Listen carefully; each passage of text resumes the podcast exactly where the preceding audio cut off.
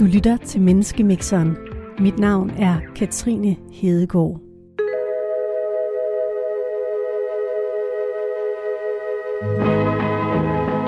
En lastbilchauffør, en medicinstuderende og en bedemand kommer ind på en bar. Eller, det vil sige, de kommer ind på en restaurant. Der er det vildt hyggeligt hernede.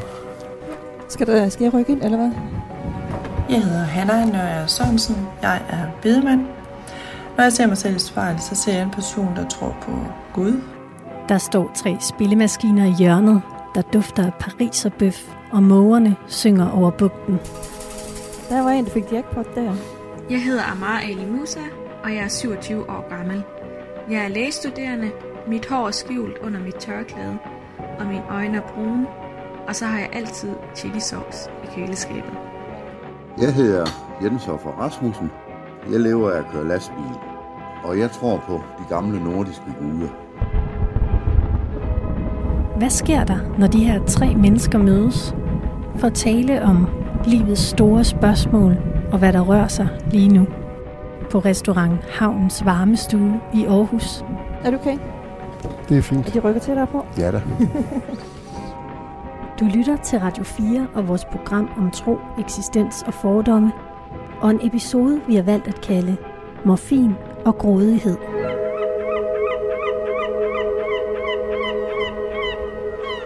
Hej med jer. Så sidder vi her igen.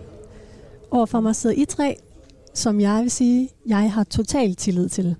Hanna, Jens og Amara, vi har aftalt, at I skulle medvirke i det her program, i dag. Vi har hverken lavet en kontrakt eller aftalt, hvad der skal ske, hvis I ikke dukker op. Den her aftale, den bygger på tillid. Så tak, fordi I er kommet, Selv, Selv tak. Tak fordi vi måtte. og velkommen til dig, der lytter med. I radioserien Løgn og Morfin, som er lavet af Radio 4 Undersøger, fortæller mine gode kollegaer her på radioen historien om en kvinde, der over fem år er lykkedes med at snyde og bedrage vagtlæger til at udskrive tusindvis af stærkt vanedannende morfinpiller. Det har hun gjort ved at fortælle vilde historier om både smerte, fuld sygdom eller store ulykker. Og derudover har hun misbrugt adskillige danskers CPR-nummer. I dag skal vi her i Menneskemixeren tale om, hvordan hele vores samfund er bygget på, at vi kan stole på det, andre fortæller os.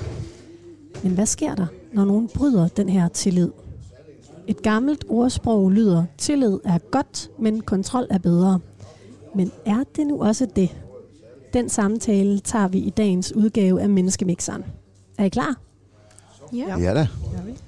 I har jo mødt hinanden sådan lidt på kryds og tværs. Ja. Men hvis I nu prøver at pakke det væk, Amar, hvem er det så, du sidder sammen med her ved bordet, hvis du bare sådan nøgtern skal beskrive, hvad du ser? Det er altid det svære. jeg sidder over for Hanna, som er en sød dame, øh, som altid jeg synes, jeg har en god udstråling og venlig udstråling. Øh, og så sidder jeg over for Jens, som Du sidder altid får til at grine, og kommer i forskellige hockeytøj og shorts, når det er koldt og regner udenfor. Ja. Du har en høj kropstemperatur. Er det ikke det, du siger? Jo, Jens, hvem sidder du sammen med her ved bordet? jamen øh, jeg sidder sammen med Hanna, en nydelig kvinde, som øh, klæder sig pænt på og ja, behageligt selskab. Og Amar, som sidder lige overfor, og som jamen hun er jo også en nydelig kvinde og har let til smil, og det er jo dejligt. Det, det kniver faktisk med at finde på noget at klage over. Ja. Ja. Jeg præsenterer jer lige lidt mere. Amara Ali Musa, medicinstuderende. Hanna Nørrejer Sørensen, bedemand. Jens Offer Rasmussen, lastbilchauffør. Amara, medicinstuderende, som allerede har arbejdet en del i psykiatrien med voksne og børn.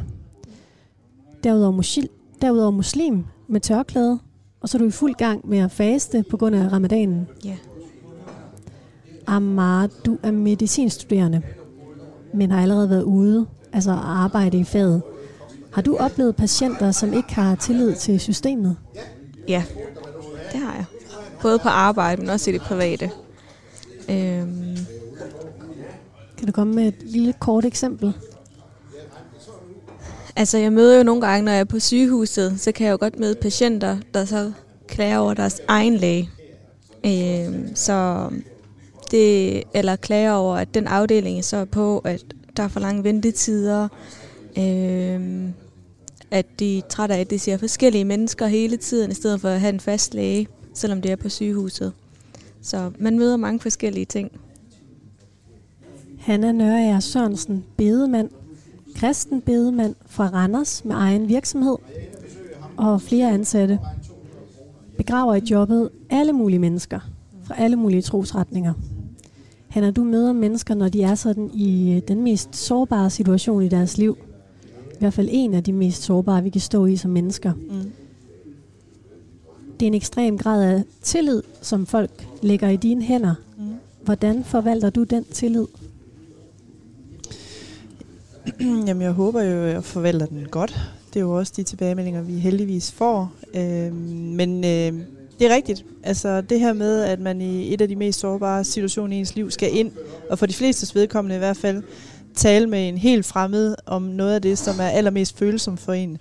Det øh, er jeg meget ydmyg over for faktisk, at, øh, at man gør det. Øh, og har også tænkt over, hvordan jeg selv ville reagere, hvis det var mig. Nu har jeg jo aldrig skulle det, fordi vi har haft bedemænd i familien, så vi har jo aldrig oplevet det der med, at en fremmed kommer ind. Øhm, så, så det synes jeg, det synes jeg faktisk er ret vildt, egentlig. Ja. Og vi får jo også, altså når vi nogle gange sidder med familier til samtale, jamen, så får man jo også nogle gange nogle ting at vide, som ikke nødvendigvis er noget, der sådan er almen kendt omkring afdøde, eller omkring familiens dynamik, eller forhold i det hele taget. Så på den måde får vi jo også nogle oplysninger, som vi skal øh, omgås med stor øh, fortrolighed.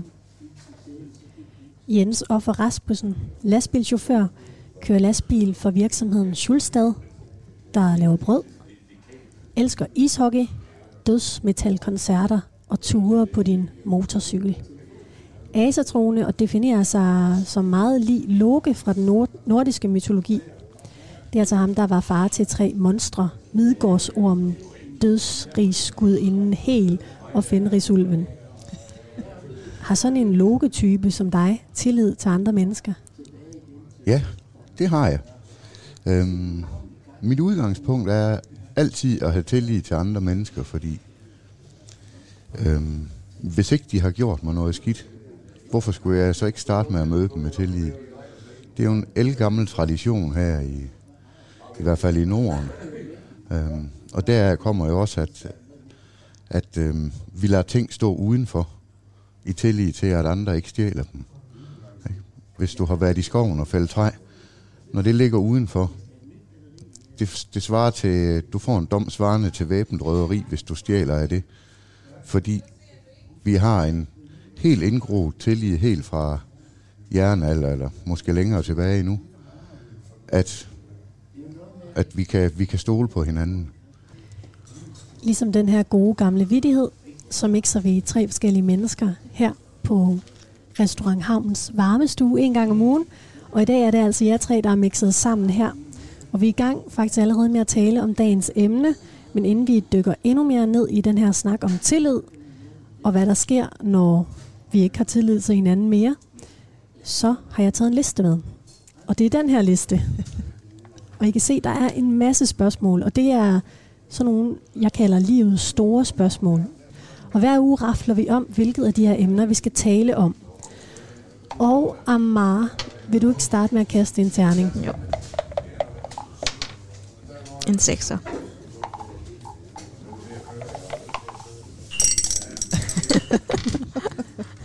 Det kom der ikke meget ud af. Ned i glasset. Er kun Kom, en, god der sidder lyd. lige i midten. Fire. Ja, 7, 8, 9, 10, 11. Tværs om, det er to. Jeg kigger på min liste ud for totallet her. Der står, at vi skal tale om grådighed. Hvad er grådighed? Ja. Har lugter lidt af frityre og en snært af aftershave. Du lytter til Menneskemixeren, vores program om tro, eksistens og fordomme her på Radio 4. Panelet består denne lørdag af Amar Ali Musa, medicinstuderende, Hanna Nørre Sørensen, bedemand og Jens Offer Rasmussen, lastbilchauffør. Har I fået noget kaffe? Jens, du bunder ja. Din kop nu. Ja. Du skal have noget mere? mere. Der er jo mere over i, øh, Ja, i skal vi ikke det? fyldt lidt op. Man kan snyde andre mennesker, hvis man vil. Radio 4 undersøger har i serien Løgn og Morfin fortalt historien om, hvordan en kvinde uberettiget har svindlet sig til at få 6.000 morfinpiller udleveret. De seneste to år har læger 27 gange fået kritik for at udskrive receptpligtig medicin, uden at stå ansigt til ansigt med patienten. Og lægerne har i flere af sagerne udskrevet til den samme kvinde, som har misbrugt andres CPR-nummer til at få udleveret tusindvis af morfinpiller. Det er den sag, som man kan høre om i udsendelsen Løgn og Morfin her på Radio 4. Og lad os lige høre et klip fra udsendelsen. Så vi vil jo rigtig gerne vide, hvor hun har fået alle de her CPR-numre fra, ikke? Jo, Vi og hvor rigtig vi vil rigtig gerne vide, hvorfor hun gør det her. Vi sidder to journalister i en bil på en parkeringsplads i en landsby på Vestjylland. Skal vi lige se, om hun kommer ud selv? Så nu regner det jo ret meget. Gennem forråden kigger vi ind på et gult rækkehus. Spørgsmålet er, om vi ikke bare skal... Skal vi gå over og banke på? Skal vi ikke gøre det? Okay. Vi er her, fordi vi i flere måneder har været på sporet af en person, som har spundet et spind af løgne omkring sig. Løgne, der har påvirket mennesker på kryds og tværs af hele Danmark. Men det her er ikke bare en historie om at fortælle vilde løgne. Det er også historien om et sundhedssystem, der nærmest beder om at blive udsat for svindel.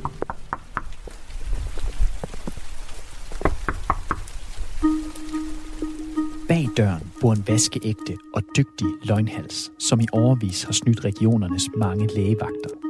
Det er lægevagten. Ja, goddag, du taler med Camilla Holmegård. Goddag, du taler med Frederik Jørgensen. Du taler med Malene Lykke.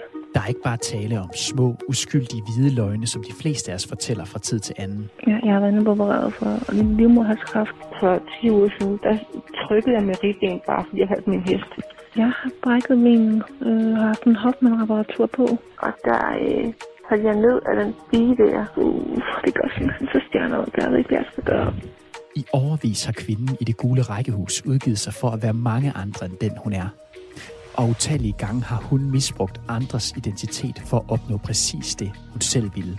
Hvor har hun fået mit navn fra?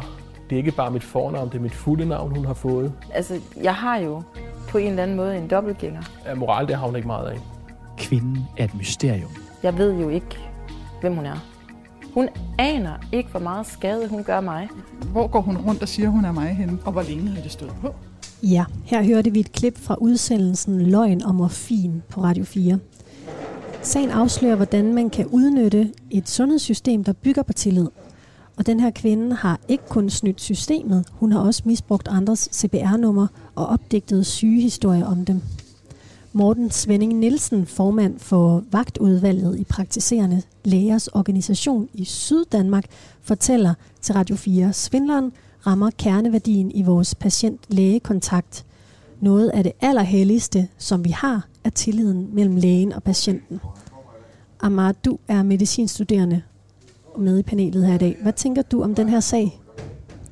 Jamen, jeg er helt chokeret over den, at det overhovedet finder sted i så vildt et omfang. Mm. Altså, jeg har da oplevet patienter pladiere for at få vanedannende medicin og stærk smertestillende, men at man direkte misbruger andres CPR-numre og mm snyder og opdigter og kommer i skadestuen og lader som om man er en anden, det er jo helt vanvittigt. Jeg havde aldrig regnet med, at jeg skulle mistænke, om den, der sidder overfor mig i skadestuen, faktisk er den person. Mm. Så vi tjekker jo ikke ID-kort eller noget. Altså, vi får bare folks patient eller CPR-nummer. Virkelig udspekuleret. Fordi det virker jo også som om, at hun altså bygger videre på sin historie i et eller andet omfang. I det der med, at øh, så kan man ringe ind. Det er ikke kun én gang, man kan ringe ind og udgive sig for at være en med en sygdomsforløb. Men man kan også følge op på den og sige, det er stadigvæk ikke godt. Men jeg er egentlig ret chokeret over, at man kan få udskrevet øh, sådan en slags medicin øh, ved at ringe til øh, vagtlægen. Fordi øh, jeg har personligt selv oplevet at skulle have en henvisning til en fysioterapeut. Det kunne jeg ikke få, anden jeg mødte op ved lægen. Hvor jeg tænker, der, det er jo ikke, altså, der er jo ligesom ikke gjort nogen skade. Så det kommer meget bag på mig, det kan lade sig gøre. At man ikke på en eller anden måde skal være fysisk til stede med den, der udskriver. Du skal måske arbejde lidt på din lidelsesklang. det kan godt være, at jeg skal lægge lidt på. Ja, det kan sagtens være. Ja. Hvad tænker du, Jens? Jamen, jeg tænker egentlig, det er godt, at det kan lade sig gøre, han har sagt. Man ikke spilder tiden så meget med kontrol, at det bliver fuldstændig rigidt.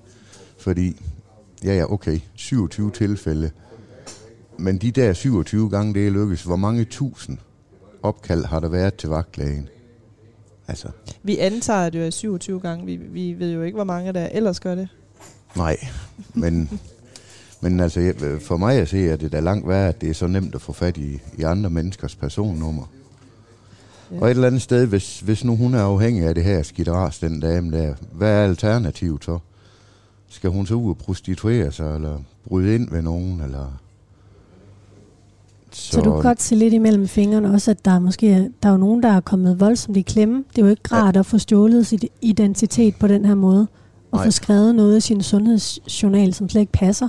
Nej, det er, det er jo også noget høvderi, når man, når man nu stensikkert ved, at det er ikke den og den, der har fået det her morfin. At man så ikke kan gå ind og rette i en journal. Øhm, men, men du tænker, det grundlæggende er godt, det kan lade sig gøre? Hvad tænker du ja, om det? det? Tænker jeg. du også, det er godt, det kan lade sig gøre det her, Amar? Mm, nej, jeg tænker ikke, det er godt, det kan lade sig gøre. Jeg er ked af, at det sker, men, men jeg er også lidt enig i, at det er heldigvis så få tilfælde, at skal det så ødelægge tilliden mellem resten af befolkningens, ja, resten af befolkningens læger og patienter, altså tilliden til vores sundhedsvæsen, fordi der er én kvinde, der har gjort det her. Øhm, og hun er jo misbruger. Det er jo stærk vanedannende medicin. Det ved vi ikke, om hun er.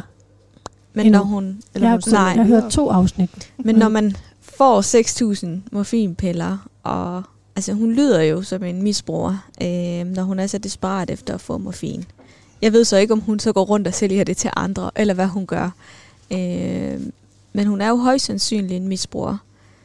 Og misbruger skal man jo have svært ved at have tillid til, fordi deres misbrug kommer først, øh, og så er det lige meget, om du er partner, eller barn, eller venner, eller arbejde. Altså hvis du når dig ud i dit misbrug, mm, så, kan det, så det eneste, der er vigtigt, det er det drug, du er afhængig af.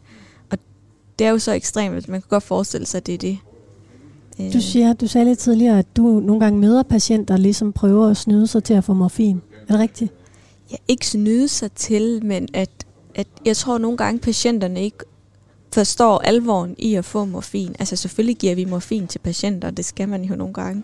Men vi skal jo holde øje med dem, og holde øje med, tager de, får de for meget, får de for mange recepter. Så det har arbejdet i en lægepraksis, hvor patienterne fysisk skal møde op i klinikken for at få fornyet deres recept, og så holder vi øje med, at du fik den udskrevet den her dag, og du kommer i dag, der er gået 28 dage, og så kigger de på en, som om man er en tosse og siger, jamen jeg er jo ikke misbruger, jeg holder godt øje med det, og jeg ved, at det her det er vanedannende, men det vi er bare nødt til, det er noget, vi har pligt til at gøre, øh, selvom de så bliver fornærmet af det nogle gange. Mm.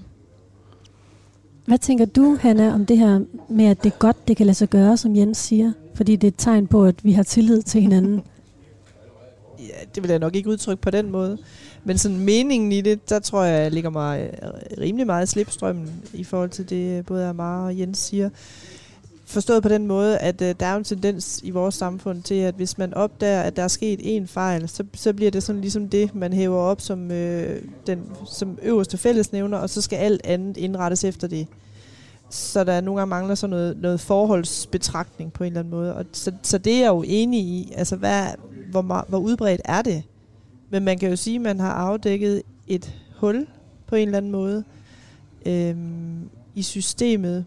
Det vi taler om lige nu, hvis du som lytter lige har hoppet på, så er det altså en kvinde, som har fået fat i en række menneskers CPR-nummer, som hun har udnyttet ulovligt til ligesom at ringe op til 1813 og så få udleveret noget morfin.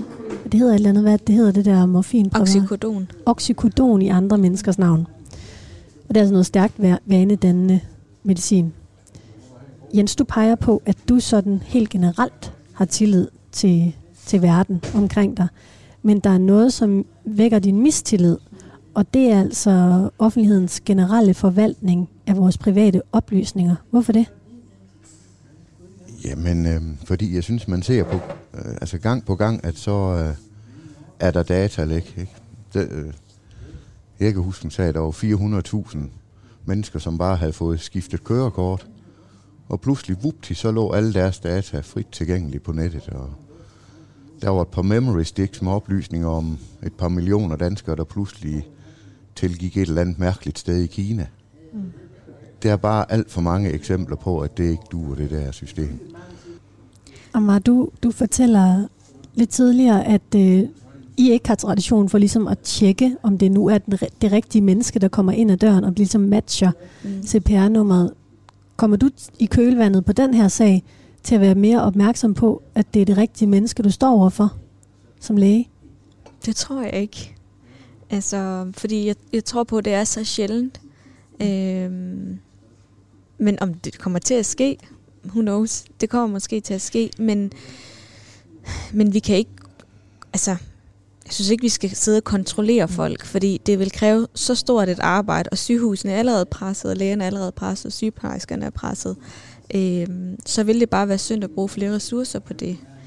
Der er og også en anden balancegang, tænker jeg, i forhold til, fordi nu, det, nu, nu snakker man om tillid, det går jo begge veje. Fordi jeg tænker, vi har også nogle pangdanger i vores arbejde, hvor at, øh, vi nogle gange snakker om, jamen i bund og grund, så ved vi jo ikke, om den person, der sidder og, siger, at de udgiver sig for at være pårørende til, til en afdød, i virkeligheden er den person. Mm. Som bedemand. Som bedemand, ja. Øhm, og der har vi da også snakket om, at det beror jo også på en tillid på, at når man kommer og siger, at man er den, man er, så tror vi på det. Og hvis vi skal starte med at stille spørgsmålstegn, og det tænker jeg, der også gælder i din branche, ja. det er, jamen så har du jo måske på en eller anden måde lige sat en kile ind i tillidsforhold, der gerne skulle gå den anden vej. Men hvad skulle man få af ligesom, fordele ved at lyve om det, Hanna?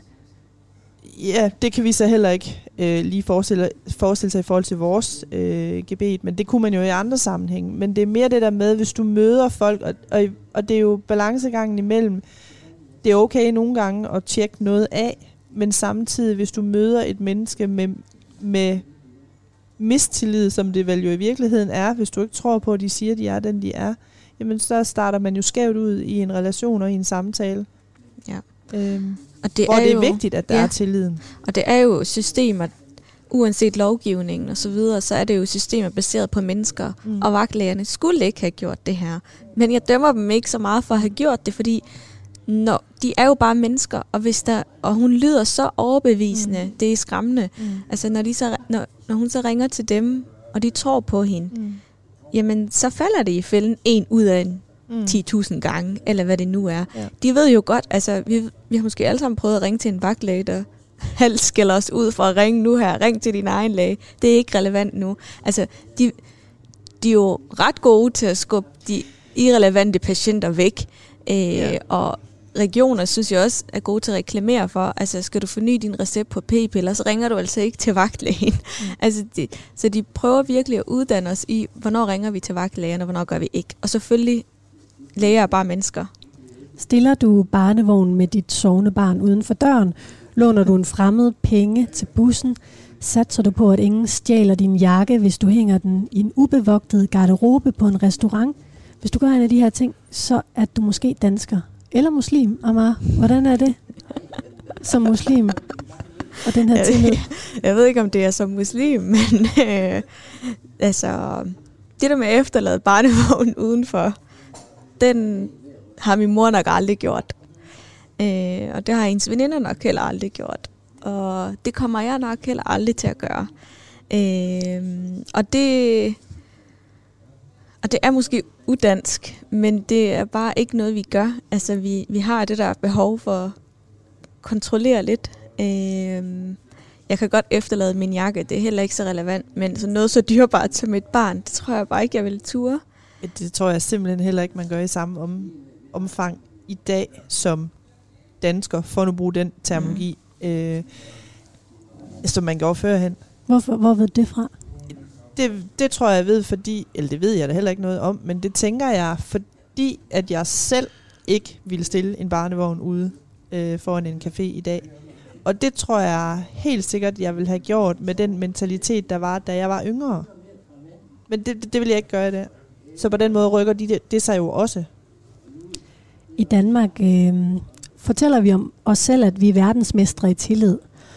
Og det er ligesom vores helt særlige superkraft. Det mener forsker i tillid Gert Tinggaard Svendsen fra Aarhus Universitet, der også er aktuel med bogen Tillid eller Kontrol. Danmark er verdensmester i tillid. Når vi spørger danskerne, om øh, de kan stole på de fleste andre mennesker, så svarer 77 procent ja, det kan de godt. Og det er verdensrekord. Så Danmark, efterfulgt af de øvrige nordiske lande, ligger helt i top, hvad angår tillid. Der har vi en x-faktor, en superkraft, noget helt, helt enestående, som øh, vi skal være bevidste om, som vi skal bruge til noget, som vi skal aktivere. Så grundlæggende kan man sige, at øh, fordelen med tillid er jo, at øh, man kan gøre tingene smidigt, hurtigt, baseret på et ord. Og det vil sige, at man stoler som udgangspunkt på, at den anden øh, ikke er ude på at snyde en, og gerne vil samarbejde. Og øh, det gør, at man kan gøre tingene meget nemmere, meget mere fleksibelt i dagligdagen. Man sparer en masse ressourcer. Et ord er et ord. Og øh, man behøver ikke de her tykke skriftlige kontrakter, eller advokater, retssager, og alt det bøvl, der kan følge med, når man, øh, når man snyder hinanden, og tingene ikke går som planlagt. Ulempen ved tillid er selvfølgelig, at man kan blive snydt.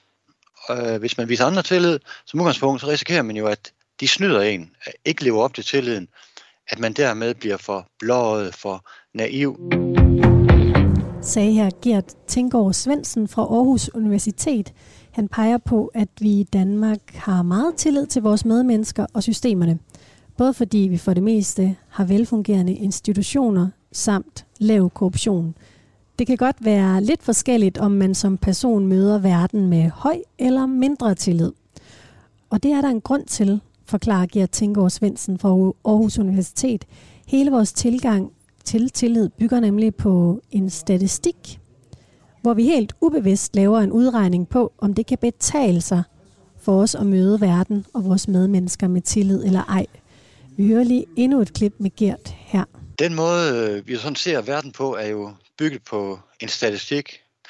Så det vil sige, at øh, cykler man nu ind på arbejde, eller cykler hen til øh, fodboldklubben, eller håndboldklubben, eller hvor det nu er, cykler hen for at købe ind, jamen det øh, er jo tillid. Man, man cykler afsted i forventningen om, i tillid til, at andre ikke lige pludselig overfalder en og tager ens taske eller plyndrer en, når man er på vej hjem fra et supermarked med alle sine sager.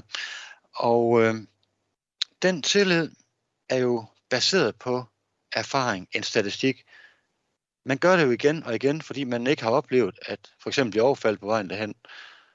Så øh, når man møder verden med tillid, jamen, så er det jo øh, fordi det er det, man er vokset op med, at øh, det godt kan svare sig. Man behøver ikke at, øh, at køre hen til øh, Netto i en øh, pansret kampvogn. Øh, det har vi lært over tid. Hvis det var sådan, at man nu i fremtiden begyndte at blive overfaldet øh, hver anden gang, man cykler afsted, så ændrer det jo statistikken, så kan det ikke længere svare sig at bruge cyklen, så skal man til at finde nogle andre måder at komme frem og tilbage på, som er mere besværlige og normalt også mere dyrt og øh, mindre sjovt. Amar, du sad lidt og grinte, eller sådan smilede lidt i hvert fald. Er det fordi, du tænker, det er sådan et romantisk tilgang, Gert Tinggaard Svendsen fra Aarhus Universitet har til, til den her tillid, der er blandt os danskere? Altså, jeg kan jo godt høre, at vi har jo meget tillid, som vi egentlig ikke tænker over øhm, i hverdagen. Altså, jeg regner jo ikke med, at der er nogen, der overfalder mig, når jeg går på gaden. Men går jeg så om aftenen, hvor jeg ser en mand, der ser lidt mærkelig ud, så kan jeg jo godt tænke, mm. øh, sker der noget?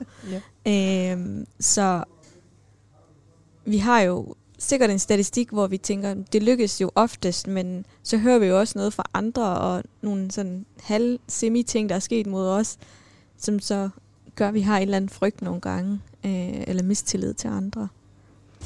Oplever du nogensinde, Amar, du er tørklæde, du bærer tørklæde. Oplever du nogle gange, at folk de har mindre tillid til dig, fordi du har tørklæde på? Altså, jeg ved så ikke, om det er min egen fordom om folk, eller folks fordom om mig, men når jeg sidder i toget, og der er en, der sidder over for mig og siger, vil du lige passe på min computer, mens jeg går på toilet, så bliver jeg faktisk meget positivt overrasket og tænker, wow, hun stoler på mig. altså, hvorfor har hun ikke fordommen, fordi jeg har tørklæde på? Det er ikke sådan, at hun pakker det ned og tænker, uh, hende der er muslim der. øhm, Jeg tror, det er, fordi hun tænker, at du simpelthen har en, en større moral. Og det kunne du ikke finde på at gøre. Du kunne- ville ikke kunne finde på at stikke af med hendes computer men det håber jeg, hun tænker. Det tror Tænker jeg. vi generelt, at muslimer har en større moral, end vi har som danskere? Ja. Eller ikke muslimer? Nej, men jeg tror, det der med, når man... Øh, men det er jo så igen måske min egen tankegang. Jeg tænker, hvis man er, hvis man er et troende menneske, så er, man et ord, så er man et ordentligt menneske også. Ikke, at man ikke er det, når man ikke er troende. Men jeg tror, jeg vil tænke, jamen du, har et, du lever under et kodex, hvor at det må man ikke. Fordi Og så- der er nogen, der holder øje med dig. Så Amara. gør du det ikke. Gud holder øje med mig. Og så gør hun det ikke. Så ved jeg godt, at der er nogen, der gør det alligevel. Sådan er det jo altid. Altså, men, øh, men som udgangspunkt. Hvad tænker du om det, Jens? Det fatter jeg sgu ikke ret meget af, egentlig. Altså, altså, jeg har da tillid til folk øh, som udgangspunkt. Om de så øh, har et tørklæde om hovedet, eller en kongekrone på, eller noget andet, det, kan, det har i min verden ikke noget som helst med noget at gøre. Altså, det kan også være, at det er, fordi jeg kører for lidt med tog, hvad ved jeg. Ja. men, men selvfølgelig har jeg da som udgangspunkt øh, tillid til andre mennesker. Altså. Så du siger, at du vil ikke, hvis du sad i en togkupé, og du skulle øh, efterlade din taske, så vil du ikke sådan lige lave en, en screening af dem, der sad over for, hvem du vil spørge, om de vil kigge efter. Det kunne være, det kunne være hip som haps.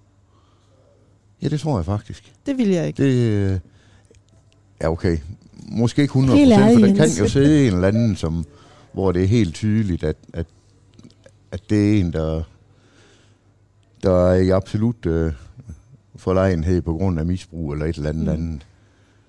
Men omvendt så viser det jo faktisk, det, det, det virker mange gange at give folk tillid, Ja. også selvom de egentlig ikke fortjener den. Ja, det er rigtigt. Det var det fuldtonsskiberen mm. gjorde, ikke? Han nægtede egentlig at vide, hvad fanden det var folk, de Mm. mm. bestod af, inden de kom. Og øh, der var der jo et eksempel på, han satte en til at bestyre pengesager, og det viser så, det øh, var den største indbrudstyv i Aalborg og omegn. Men det virkede faktisk sådan, at øh, den her unge mand, han fik ansvaret for pengesager. og sådan helt sådan, nå jamen, så tog han sig af det. Mm. Der manglede aldrig en fem øre, fordi, nå ja. Så nogle gange så virker det jo også at vise folk tillid. Men det er jo og fordi det er jo enormt stressende, når man ikke har tillid, tænker jeg. Altså det der med, at øh, nu bragte du det billede ind med, at man går en tur øh, på gaden om aftenen, og så får man lige pludselig en tanke om, at den, der går bagved, øh, vil en noget ondt. Det er jo enormt stressende. Altså totalt. Det er jo hjertet galopperer, og det er bare med at komme hjem. Det er jo ikke en særlig fed situation. Eller når man er på rejser i udlandet, og man har herhjemme, der går man med sin taske, som man nu går med den, og dernede så man får at vide, at de stjæler med arme og ben. Ah, Jamen det er jo møghammerne irriterende at bevæge sig rundt med en grundlæggende mistillid til, at dem omkring en, de vil en noget ondt. Så jeg tænker, det, det, bliver man da, det må man da blive øh, syg og dårlig af på den lange bane. Hanna, du siger, når du sætter dig i en togkupé, og du skal på toilettet og efterlader din computer, så scanner du lige, hvem i den her kupé har jeg mest tillid til. Hvis nu du sad i togkupé med Amar og Jens, hvem vil så give computeren? Amar. Hvorfor? Ser Jens suspekt ud? Og nu kender jeg ham jo lidt, så så kunne det da godt være, at han fik chancen for at passe på kronjuvelerne. men, øh, men... Ej, nu kommer der kage ind. Og det var godt, Jens. Hvad hedder det? Sådan- Det er gulerodskage Ej, ser med ud, mand. sådan en øh, hvid, hvad hedder det der er ovenpå for et topping, flødeostcreme og vindruer på siden. Jeg beder om noget vand. Bare helt almindelig vand. Lækkert. Panelet består i dag af Amar Ali Musa, medicinstuderende, Hanna Nørre Sørensen, bedemand, Jens Offer Rasmussen, lastbilchauffør. Når vi kom fra, ser Jens suspektet. Det får jeg ikke lov til at slippe for at svare på. Jeg vil sige, at Amar ser for mig mere tillidsvækkende ud i sådan i øjeblikket. Ja, Hvorfor? det tror jeg, fordi at hun er... Dels fordi hun er kvinde. Hun smiler. Hun har... Det gør Jens da også. ja, ja, men... Øh, det er heller ikke fair, det her, Katrine. Men, øh, men, men, øh, men han er jo en karakter. Øh, og så er vi tilbage til det med igen, at øh, jamen, øh, jo, når man træder udenfor, jamen, så, så begynder man lige pludselig at forholde sig til til, øh, til nogle ting, som, øh, og så kan man have fordomme, så kan man overtolke, og så kan man tillægge nogle øh, motiver, som man ikke har. Men jeg sad faktisk lige forleden dag på Molslinjen, og jeg skulle sådan på toilet, og jeg havde den store taske med, og jeg tænkte, jeg kan, det magter jeg ikke at tage den med derud, og jeg sad og tænkte, hvad gør jeg? Går jeg, eller tager jeg den med? Så så jeg, der var en af mændene, der rejste og gik fra det hele, og kom tilbage og tænkte, så kan jeg også finde ud af det. Men jeg gik der og tænkte hele vejen, jeg kom tilbage, kan jeg vide, om der er nogen, der synes, det var smartere at tage min taske med? Ja, fordi jeg ville være nervøs, hvis jeg gjorde det der. Ja. Jens. Men jeg, men jeg valgte egentlig at tænke, det går. Og det gik? Det gik. Py, ja. Yes. Jens, øh, hvad tænker du om, at Hanna har mere tillid til Amar, end vil have til dig, hvis I sad i en coupé sammen, togcoupé sammen? Jeg tænker, kan, kan vide, hvad det er for nogle oplysninger om mig, hun har fået hacket et eller andet sted? Ja, det kunne øh, du lige at vide. Ja. Mm, Jamen, tja, det ved jeg sgu ikke, hvad jeg skal tænke om. Øh. Er det noget, du oplever en gang imellem, det her med, at du ikke at du oplever, at folk ikke har tillid til dig på grund af dit udseende? Det vil jeg sige, det, det er ikke så slemt nu, men, men det har det været, altså. Mens jeg sådan havde øh, langt hår og langt skæg, og... Nå ja, så... Øh, det her som ofte sorte tøj, man går i til, til metalkoncerter og så videre, der, har- der har jeg da helt sikkert mødt nogle fordomme. Det har jeg da. Øh, det er værst vel en gang, hvor, hvor jeg var kommet på, på date med en læppe, som øh, der skulle lige tages lidt, lidt pis på familien. Du sagde læbe. Ja. Ja, en, en, en lesbisk øh, pige, som, øh, jamen hun var så kommet ud af et forhold, og familien var så ved at prikke lidt til en hvad om ikke knar hun skulle. Så var de, så var de siddet nogle stykker over nogle øl og blev enige om, det kunne i grunden være sjovt, hvis hun nu kom og præsenterede en mand. Øh, ikke fordi hun havde nogle børn, så, så hun havde jo da øh, haft med mænd at gøre før, men... Øh, og så ringte de til mig, hvad, kan du ikke lige... Øh, jo, men det kunne jeg da. Selvfølgelig kunne jeg det. Så, øh, så kom jeg jo der og skulle lige se hendes hjem, hvis nu nogen fra familien skulle spørge. Og så skulle vi tage med dernede ved hendes familie, der var blevet trummet sammen i hast. Og øh, jamen, og dengang var jeg jo da så endnu større, end jeg er nu. Det, det er virkelig en stor dreng, og godt langhåret og godt langskægget. Og, Svigermors drøm. ja, det, ja, ja, det er den slags drøm, der hedder mareridt måske. Men, øh, men og, og da vi så tog, tog derfra, de, de tog nu egentlig pænt nok imod mig, men, øh, men øh, jeg fik så at vide bagefter, at, øh, at øh, damens søster der, hun har sagt, øh, hvis, hvis hun skal til at komme sammen med ham, så skal børnene bare ikke bo ved hende, og i første omgang kan de bo ved mig. Hold da op. Og det tænker jeg, det var da alligevel imponerende. Og jeg synes jo ikke, jeg har gjort mig skyldig i enten øh, at være tyk og langhåret og langskægget, men øh, det tænker jeg ikke, det er noget, børn tager vare i skade af. Jamen, Det lyder jo voldsomt, altså at sige det baseret på folks udseende, når man ikke har snakket med dem. Altså, det er jo ikke bare en kvik scanning, man laver, mens man sidder i toget. Det er jo, når man er i folks hjem, så bliver det jo meget mere personligt. Øh, det kan jo ikke være en rar oplevelse. Ved, har du sagt noget, der er virkelig mærkeligt? Det har jeg sikkert. Jeg er jo mig. men, men det kan jo godt være, altså i nogens verden er det jo helt besynderligt noget af det der øh, metalmusik mm. og motorcykler og langhårdt. Jeg ved ikke, om der kan være, være nogen, der har tænkt, øh, om han skulle sikkert rock og sælger dope og slår folk ned og går med Kalashnikov i lommen, eller hvad det nu kan være, ikke? Men det er jo da ikke sådan den vilde tillid, der blev udvist mig der, synes jeg ikke. Nej, du kan jo stadigvæk huske oplevelsen, så det har også sat præg på en eller anden måde. Mm. Jamen, det var jo mest bare, fordi det var da totalt grineren, at øh, der var nogen, der ringede der, hvad, du skulle vist godt spille det skuespil, vil du ikke lige tjene en flaske? Og, Nå ja, og en god grillaften, og øl og hygge, og det var jo, ja. Du lytter til Menneskemixeren, vores program om tro, eksistens og fordomme. I dag består panelet af Amara Ali Musa, medicinstuderende, Hanna Nørager Sørensen, bedemand, Jens Offer Rasmussen, lastbilchauffør. Vi når ikke mere i den her snak. Tusind tak for jeres gode svar. I dag har vi diskuteret tillid i vores samfund, og hvilke konsekvenser det har for os, når vores tillid bliver brudt. Og det har vi gjort på baggrund af Radio 4-serien Løgn og Morfin, som du altså kan finde på radio4.dk eller i vores app. I programmet her har vi den her liste med livets store spørgsmål. Og vi raflede til at starte med, og vi fik det sammen en toer. Og ud fra totallet på min liste står der, hvad er grådighed? Så det skal vi tale om nu. Og I har gaflet et stykke kage. når man tager kage, før man bliver budt kage. på jeres tallerken. Og Amar, hvordan, altså du faster nu, hvordan har du det med, at Jens og Hanna, de nu sidder og går for kage i sig? Det er helt fint. Men jeg har ingen tillid til, at jeg har. det var sjovt. Jeg er vant til det. Det er så normalt. Det tænker jeg ikke over det mere. Nej. Så I Det er spiser bare løs. så cool, at man kan. Mm. Respekt for det. Det er ikke så svært, som man tror. Nej. At faste. Øh, det, den første dag, det er jo en hel måned. Og så spiser man jo om aftenen og morgenen. Øh, de, den første dag kan du godt lige have lidt hovedpine. Din krop skal lige justere. Men så kan du sagtens gå på arbejde og læse og lave alt muligt. Så. Nu skal vi jo tale om grådighed. Kan man sige det er sådan den ultimative form for et eksempel på, at man pakker sin grådighed væk?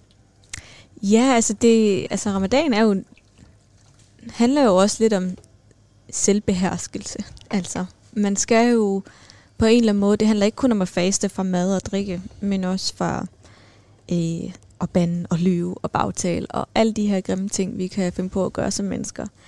Øh, men for mig også om det materialistiske, altså blandt andet mad, som er jo mega lækkert, og som vi alle sammen, som fylder meget i vores hverdag, og så kunne sige nej til det. Øhm, og så giver det forhåbentlig at sige nej til sådan nogle ting mere en, en fordybelse i en strå, en større spiritualitet. Øhm, og det er sådan formålet. Hvad siger sådan et par kagegnaskere derovre til det? Jamen, det er vi ikke tid til at svare på. det smager da alt for godt. Jeg tror da helt sikkert, der er noget i det. Jeg har ikke sådan selv fastet anden i forbindelse med noget øh, tarmhaløjse på sygehus, Mm. hvor øh, jamen, der vil, det ved jeg sgu ikke, hvad det max har gået en, en lille uge eller sådan noget. Og det er jo ikke fordi, det, det er slemt. Men jeg tror, der er det i faste, som der er i mange andre ting.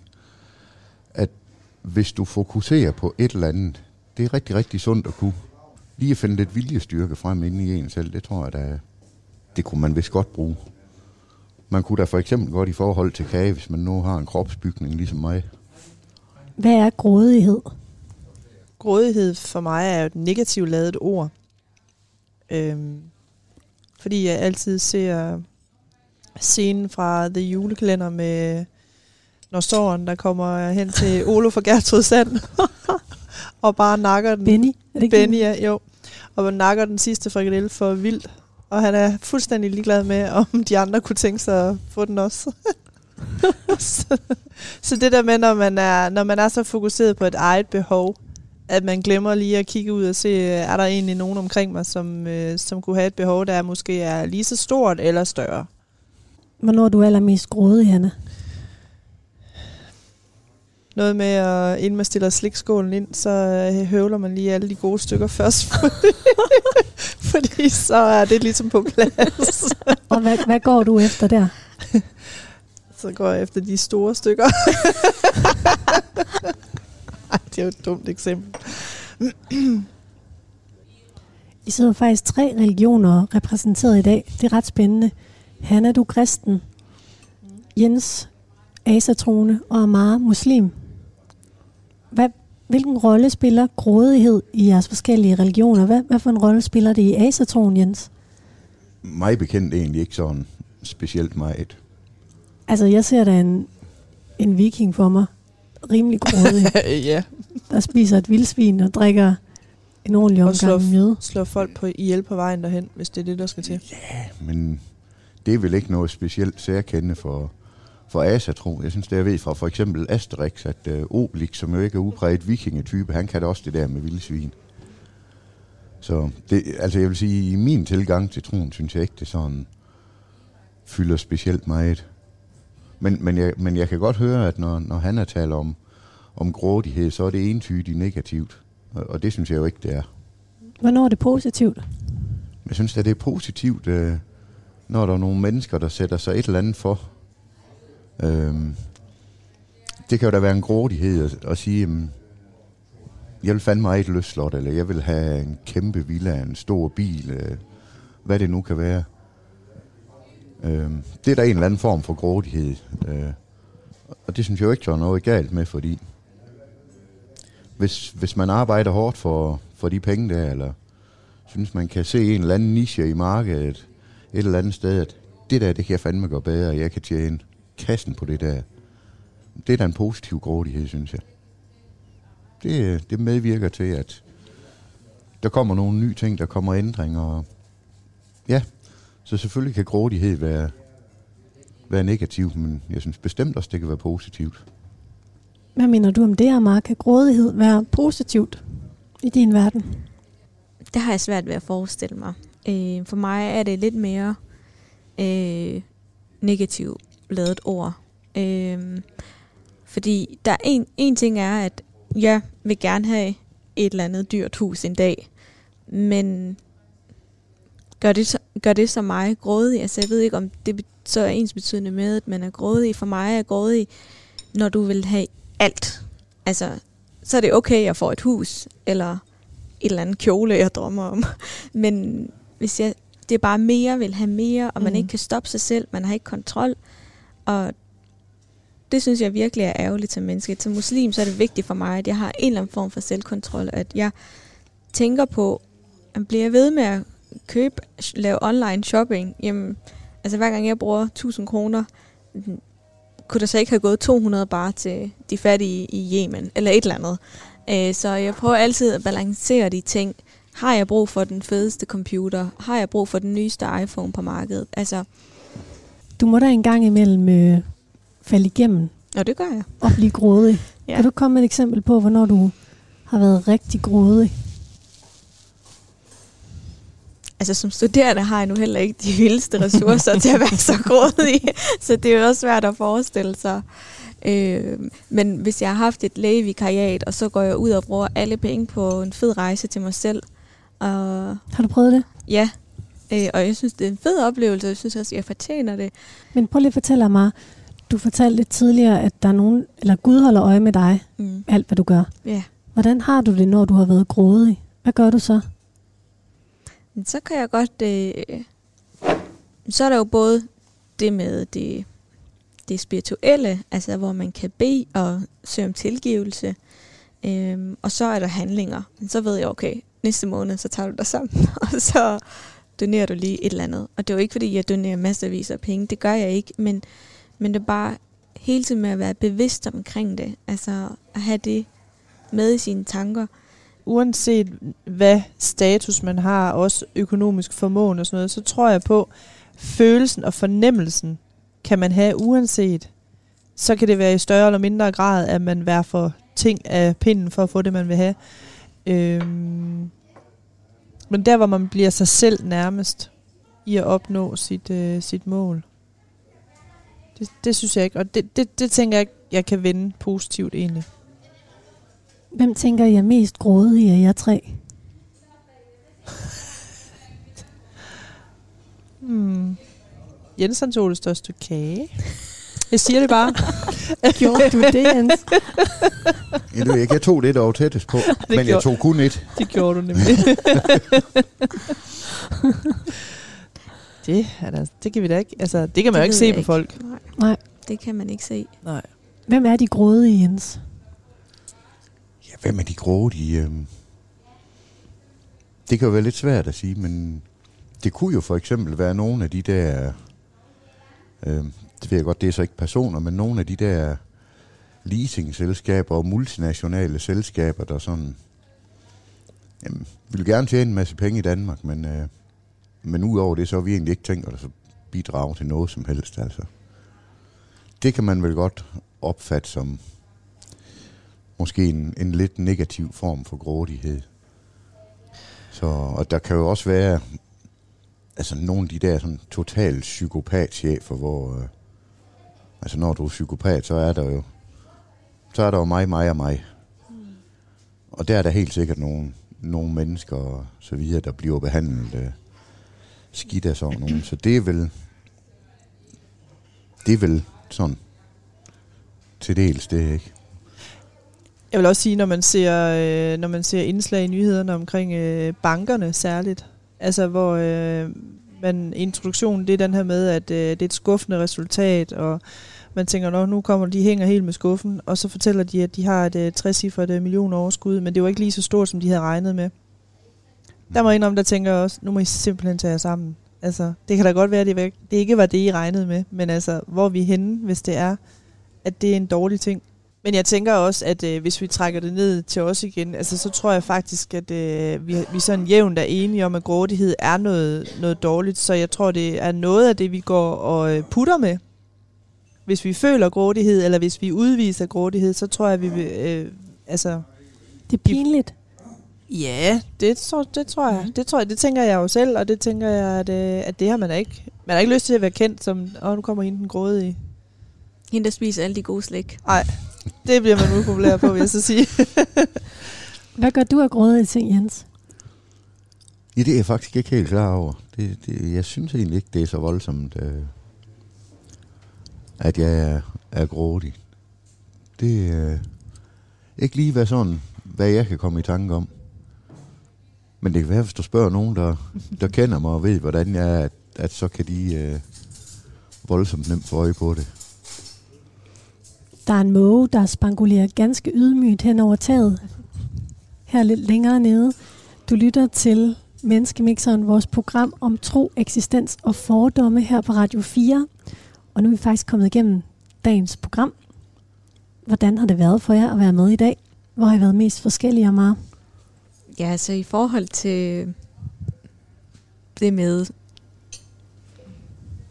tilliden i sundhedsvæsenet, at det måske er okay at acceptere, at det her det sker en gang imellem. Det, der virker Jens lidt mere cool end os andre, selvom han ved, at, at det selvfølgelig er hårdt for dem, det går ud over. Altså det med at udnytte andres Ja. CPR-nummer. Eller at, eller at vi har et system, hvor det ikke er så kontrolleret, men det er okay, at der er nogen, der er sådan... Jeg synes bare, den måde, han formulerede det på, det var ret stærkt. Ja. Blev du provokeret af det? Om jeg bliver provokeret af det? Øh, nej, det gør jeg ikke. Hvad tænker du, Jens? Hvordan har det været for dig at være med i dag? Jamen, jeg synes da, det har været dejligt. Og, øhm, og jeg kan jo sådan, øhm, med det her med, med sundhedsvæsen, der, der kan forstå, at vi, vi er nok egentlig sådan rimelig enige. Det kan godt være, at jeg udtrykker det på en lidt anden måde, men, øh, men ja, det, det synes jeg sådan set, det er dejligt, at vi, øh, at vi er rim, rimelig enige om det, fordi jeg går ud fra, at hvis vi tre er enige, så bakker resten af Danmark op, og så kan vi sådan set beholde et godt system. Det er jo dejligt. Pakker du din rulletobak frem, Jens? Skal du til at ud og ryge? Ja, det er jeg nok nødt til at gå ud med.